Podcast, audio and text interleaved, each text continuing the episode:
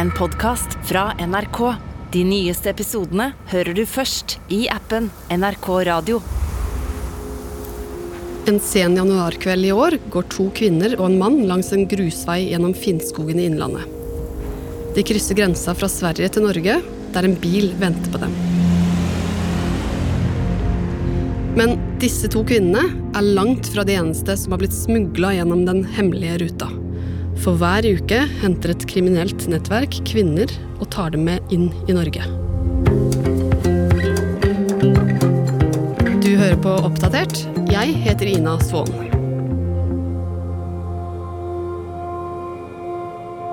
Det er 2021, og i en svensk bygd like ved grensa til Norge ligger det et lite, hvitt hotell. Hotellet drives av en svensk fyr som heter Per Anders Andersson, og han har begynt å legge merke til noe rart ved gjestene sine. Det han la merke til, var at det kom eh, i helgene, oftest i helgene, så kommer det da en eh, mann med en bil full av østeuropeiske kvinner som da bare lempes ut. De her damene sjekker da inn på overnattingsstedet, sover der en natt, før de da morgenen etterpå går ut, blir hentet av en ny bil som frakter dem lenger inn i skogen i retning Norge, da. Der kom fyrer og dumpet eh, et antall kvinnfolk, og så kom det en annen fyr og hentet dem. Og, så det var litt konstig. Og det her foregikk jo såpass lenge og forekom såpass ofte at han eh, stusset på det og syntes det her egentlig var ganske rart. Sverre Holm Nilsen, du er krimjournalist her i NRK. Og rundt samme tid som dette pågikk, så fikk jo faktisk norsk politi et oppsiktsvekkende tips, men fra et helt annet hold. Ja, politiet i Norge fikk et tips fra politiet i Sverige. Eh, og Grunnen til det var at eh, politiet i Stockholm over lengre tid hadde avdekket et, eh, et miljø som frakta kvinner fra Øst-Europa til Sverige for å selge sex i Stockholm. Det de oppdaga der, var at mange av kvinnene de så komme inn i Sverige, reiste rett gjennom Sverige. De skulle ikke dit i det hele tatt, så mistenkte da svensk politi at de her skulle til Norge. Derfor ble norsk politi tipsa. Ja, og da norsk politi fikk høre om det her, så må de jo ha blitt litt bekymra, eh, for de begynte jo å lure på om dette kunne dreie seg om hallikvirksomhet, Sverre. Ja, for sexsalg i seg sjøl er jo ikke ulovlig, men det å drive med hallikvirksomhet, menneskehandel, smugling av personer over landegrenser, det er ulovlig. Så da begynte jo politiet å etterforske da, det her mulige nettverket, for å finne ut hvem er det som står bak det her omfattende transporten av kvinner. Og da politiet titta litt nærmere på dette tipset de hadde fått fra svensk politi, så så de at det var én grenseovergang som pekte seg ut. En overgang i Finnskogen i Innlandet, ikke langt fra der den svenske hotelleieren Per Anders drev hotell. Og en sen januarkveld i år så dro politiet dit for å overvåke i skjul. I mørket mellom busker og trær rigger politispannere seg til, og ikke lenge etterpå skjer det noe. Mens de ligger der, da, så ser de det kommer en eh, svart BMW på norsk side av grensa kjørende innover denne lille grusveien. Bilen har skrudd av lysa, så det er jo bekmørkt midt på januar uten lykter på bilen. Et stykke før selve grensa, som egentlig bare er en rusten bom som går over veien midt i skogen, så stopper sjåføren bilen. Og politiet kan jo da se at han sitter inne i bilen og kler på seg varme klær, da, for det her er jo midt på vinteren. Han tar liksom på seg en jakke, en bøff, eh, og forbereder seg på å gå ut av veien. Han har med seg en lommelykt, for det er jo da bekmørkt ute. Så ser de han lyser litt rundt med lommelykta, skrur den av, forsvinner ned i skogen i den dype snøen, og begynner å gå da mot svensk side av grensa. Når han kommer over til Sverige, i skogen, så møter han da to kvinner, som han da tar med seg tilbake igjen fra Sverige over til Norge, setter seg inn i bilen, eh, og da ser man jo på spaningsbildene til politiet at de her damene blir jo fornøyde. De er jo sikkert inne i varmen igjen etter å ha stått og venta i skogen. Um, og så tar den BMW-en av og snur. Han skrur ikke på lysa og fortsetter da å kjøre i tussmørket i retning Oslo. Politiet de følger med på bilen, og sporer den etter hvert til en bygård i Oslo sentrum. Og dette var en bygning de allerede hadde holdt øye med. For den siste tiden så hadde det pågått mistenkelig aktivitet der. På nettene stopper det stadig biler utenfor og slipper av kvinner. Og til alle døgnets sider så kunne politiet se at det kom nye folk inn og ut av bygget. Og hver tredje dag ser det ut som at det foregår en slags økonomisk transaksjon på utsida. Og alle observasjonene politiet gjorde, det styrka jo bare mistanken om at dette kunne være et slags døgnåpent bordell. Og så, en dag skulle de få en telefon fra innsiden av bygget som gjorde at de måtte rykke ut. Ja, I februar så kom det en veldig kort og dramatisk eh, nødanrop inn til politiet. Det eneste som ble sagt i den samtalen, var en østeuropeisk kvinne som ropte 'He kills me, please come'. Og Så ble samtalen avbrutt, telefonen ble slått av, og politiet fikk ikke tak i kvinnen som ringte. Og dette var jo noe som var veldig alvorlig, og noe de måtte følge opp. Ja, Det politiet gjør da, er at de begynner å bruke, altså søke på basestasjoner da, for å finne ut hvor er det her nødanropet kom fra, for de fikk ikke tak i dama. Så mens de begynte å søke, så viste det seg jo da at politiets behandlere som var i området, var jo der og fikk med seg det som skjedde. Og det første som skjer, er at de ser en mann komme gående ut da med en bag eller en koffert og en mobiltelefon som han legger da inn i den her svarte BMW-en. Eh, sekunder etter så kommer han ut igjen da med en eh, østeuropeisk kvinne. Og det ser ikke ut som hun går frivillig, akkurat, da, for hun blir da plassert inn i, i baksetet på denne bilen. Sjåføren starter bilen, og den svarte BMW-en blåser av gårde eh, vekk fra, fra bordellet. Politiet begynner da å søke etter bilen. De bruker da både et politihelikopter og patruljebiler som følger etter den ut av Oslo. Og når de kommer opp til et sted på Romerike, så får de stansa den. Inni bilen så finner de da den østeuropeiske kvinnen, Oddvar, hun som hadde ringt eh, nødnummeret. De finner også mobiltelefonen og bagen hennes. Sjåføren av denne svarte BMW-en han blir da pågrepet av politiet og sikta. Hjemme hos han, på hans adresse, så finner de da ytterligere flere kvinner. Samtidig som det her skjer, så blir jo da hun, hun som ringte nødnummeret, frakta ned til Grønland politistasjon og gått i avhør med politiet. Og det hun forklarer her, er at hun var livredd, og hun frykta for sitt eget liv da hun ble dratt ut av det her bordellet.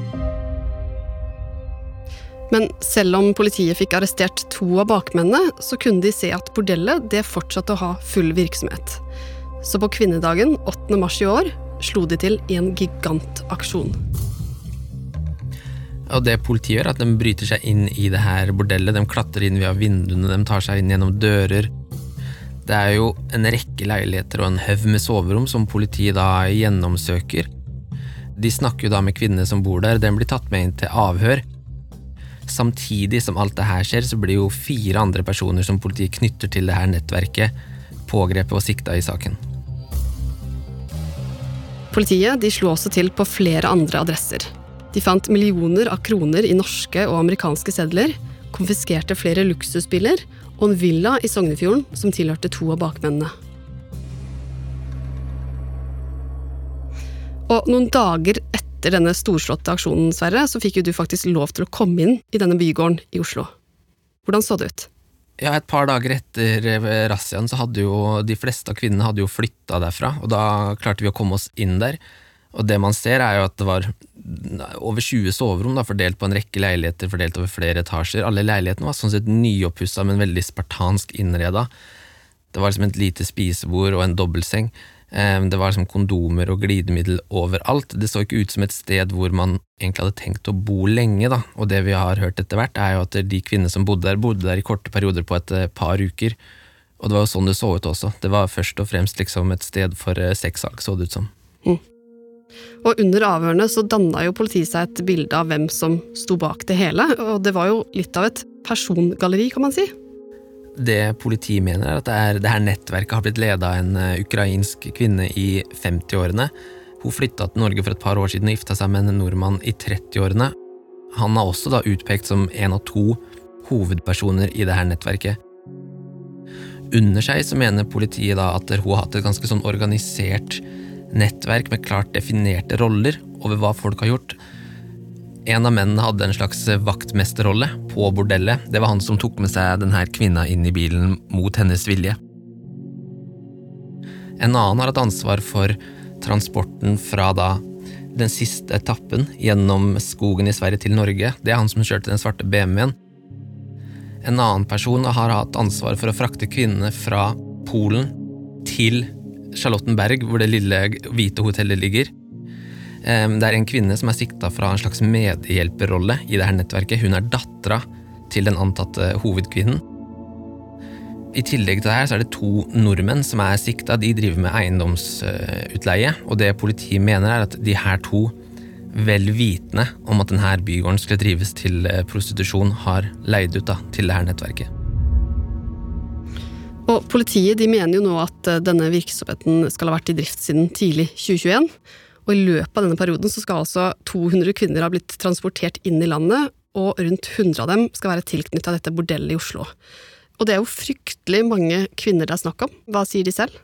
Det kvinnene har forklart til eh, politiet i avhør, er jo at de kom til Norge fordi de ble lokka med store, gode lønninger på å drive med sexsalg i Norge. De har forklart at de slet med å få jobb i hjemlandet mye pga. koronapandemien, så forsvant mange av jobbene. Det som skjedde da, var at de kom i kontakt med nettverkene via hemmelige chattegrupper på internett. Der det brukes forskjellige apper som Telegram, eksempel, hvor de da egentlig søker etter kvinner som vil reise til Norge for å selge sex. Det de ble enige om, var på en måte en slags arbeidskontrakt, hvor kvinner fikk vite du skal jobbe seks dager i uken, du skal jobbe mellom tolv på dagen og tre på natta. Du skal få så og så godt betalt, du skal få fri hver søndag, du skal få fri hvis du har menstruasjon. Så den ble jo lova ganske ordna forhold, da. Når de skrev under på denne kontrakten, så kom de i kontakt med nettverket og fikk dem et oppmøtested i Warszawa i Polen. Derfra så gikk turen da videre med bil til havnebyen Gedina, tok dem ferje over til Karlskrona i Sverige. Så frakta nettverket dem videre da til Charlottenberg, helt tett opp til eh, grensa til Norge, hvor de da tilbrakte de siste dagene før de ble frakta over til Norge. Men i tillegg da til denne smuglinga gjennom skogen, så brukte jo også nettverket da egentlig vanlig kollektivtransport som buss og tog og fly, da når det ikke var så strenge koronarestriksjoner og grensene var mer åpne. Så de her damene kom seg til Norge for å jobbe på andre måter enn gjennom skogen også. Og arbeidsforholdene de var jo heller ikke som de hadde forventa. Det vi vet, er at for flere av kvinnene ble jo ikke det her oppholdet i Norge som de hadde forespeila seg i det hele tatt.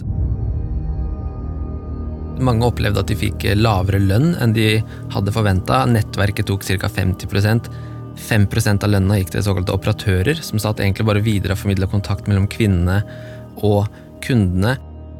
Og En viktig del av politiets etterforskning også er det at kvinnene, flere kvinner opplevde jo da trusler og vold fra nettverket. Blant annet skal en kvinne ha opplevd at hun fikk tilsendt en video av seg sjøl med en kunde, når hun hadde sagt til nettverket at hun ville reise hjem igjen. Det ville ikke nettverket at hun skulle gjøre, og da trua de om at denne videoen skulle spres dersom hun dro. I tillegg så er det jo også det, selve arbeidsmengden har jo vært høyere for de her kvinnene enn de trodde. Det politiet har hørt, er at noen av kvinnene har forklart at de må ta opptil elleve kunder hver dag, og ofte også etter arbeidstid. da. Altså Hvis du jobba til tre på natta, men hvis det ringte en kunde klokka fem, så var det bare å, å våkne opp og, og ta imot han også. Så for flere av kvinnene så opplevde de å måtte gjøre ting de ikke ville. De måtte jobbe mer for mindre enn det de var blitt forespeila på forhånd, så for dem så var ikke det her oppholdet sånn de hadde trodd i det hele tatt. Mm. Og etterforskningen, Sverre, den pågår jo fortsatt. Totalt så er det åtte stykker som er sikta i saken. Men hvordan stiller de seg til siktelsene? Politiet etterforsker jo fortsatt denne saken, og de mener jo det, er, det kan være personer knytta til det her nettverket som ennå ikke er pågrepet. De aller fleste av de åtte sitter jo nå varetektsfengsla. Hovedmannen og hovedkvinnen nekter straffskyld for menneskehandel, men har erkjent delvis da den her hallik-biten av siktelsen. Han som var vaktmester i bygården, han nekter straffskyld for både hallikvirksomhet og menneskehandel, og han avviser også å ha utsatt noen av de her kvinnene for vold, mens da forsvareren til han sjåføren av den svarte BMW-en, han ønsker ikke å kommentere saken overfor NRK akkurat nå. Og for de resterende sikta så har forsvarerne enten ikke ønsket å kommentere saken nå, eller så nekter de straffskyld alle sammen. Så betyr det at politiet nå har kontroll på det her? Det politiet sier, er at nå har de da klart å, å avslutte å sprenge ett nettverk, men som politiadvokaten på saken sier, han er ikke naiv. Han tror ikke det her kommer til å stanse eh, salg av sex i Norge, eller at østeuropeiske kvinner blir frakta hit for å selge sex, men nå har i hvert fall ett nettverk tatt ned, mener politiet da.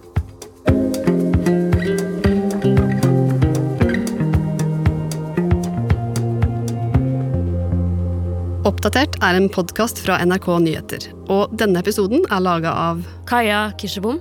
Andreas Berge. Og meg, Ina Svaan. Programredaktør er meg, Knut Magnus Berge. Har du spørsmål eller innspill, send oss gjerne en mail til oppdatert krøllalfa nrk.no. Og selv om vi i Oppdatert nå tar sommerferie, så har vi nye episoder hver uke i sommer som du kan kose deg med i sola. En podkast fra NRK. Kan få den på den listen som PST har over folk som, eh, som oppfattes som litt trakasserende. Podkasten Feriestemning, hvor to kjendiser deler sine sommerminner. Er? Så har du svart feil? Du skjønner ikke hva folk har rakt å si. Altså, Verbet har ikke kommet til rakt. Du har med et ekstranett i tilfelle du reiser hjem med mer bagasje. Det har jeg nesten alltid. Nye episoder med nye fjes hver dag i hele sommer. Feriestemning hører du nå i appen NRK Radio.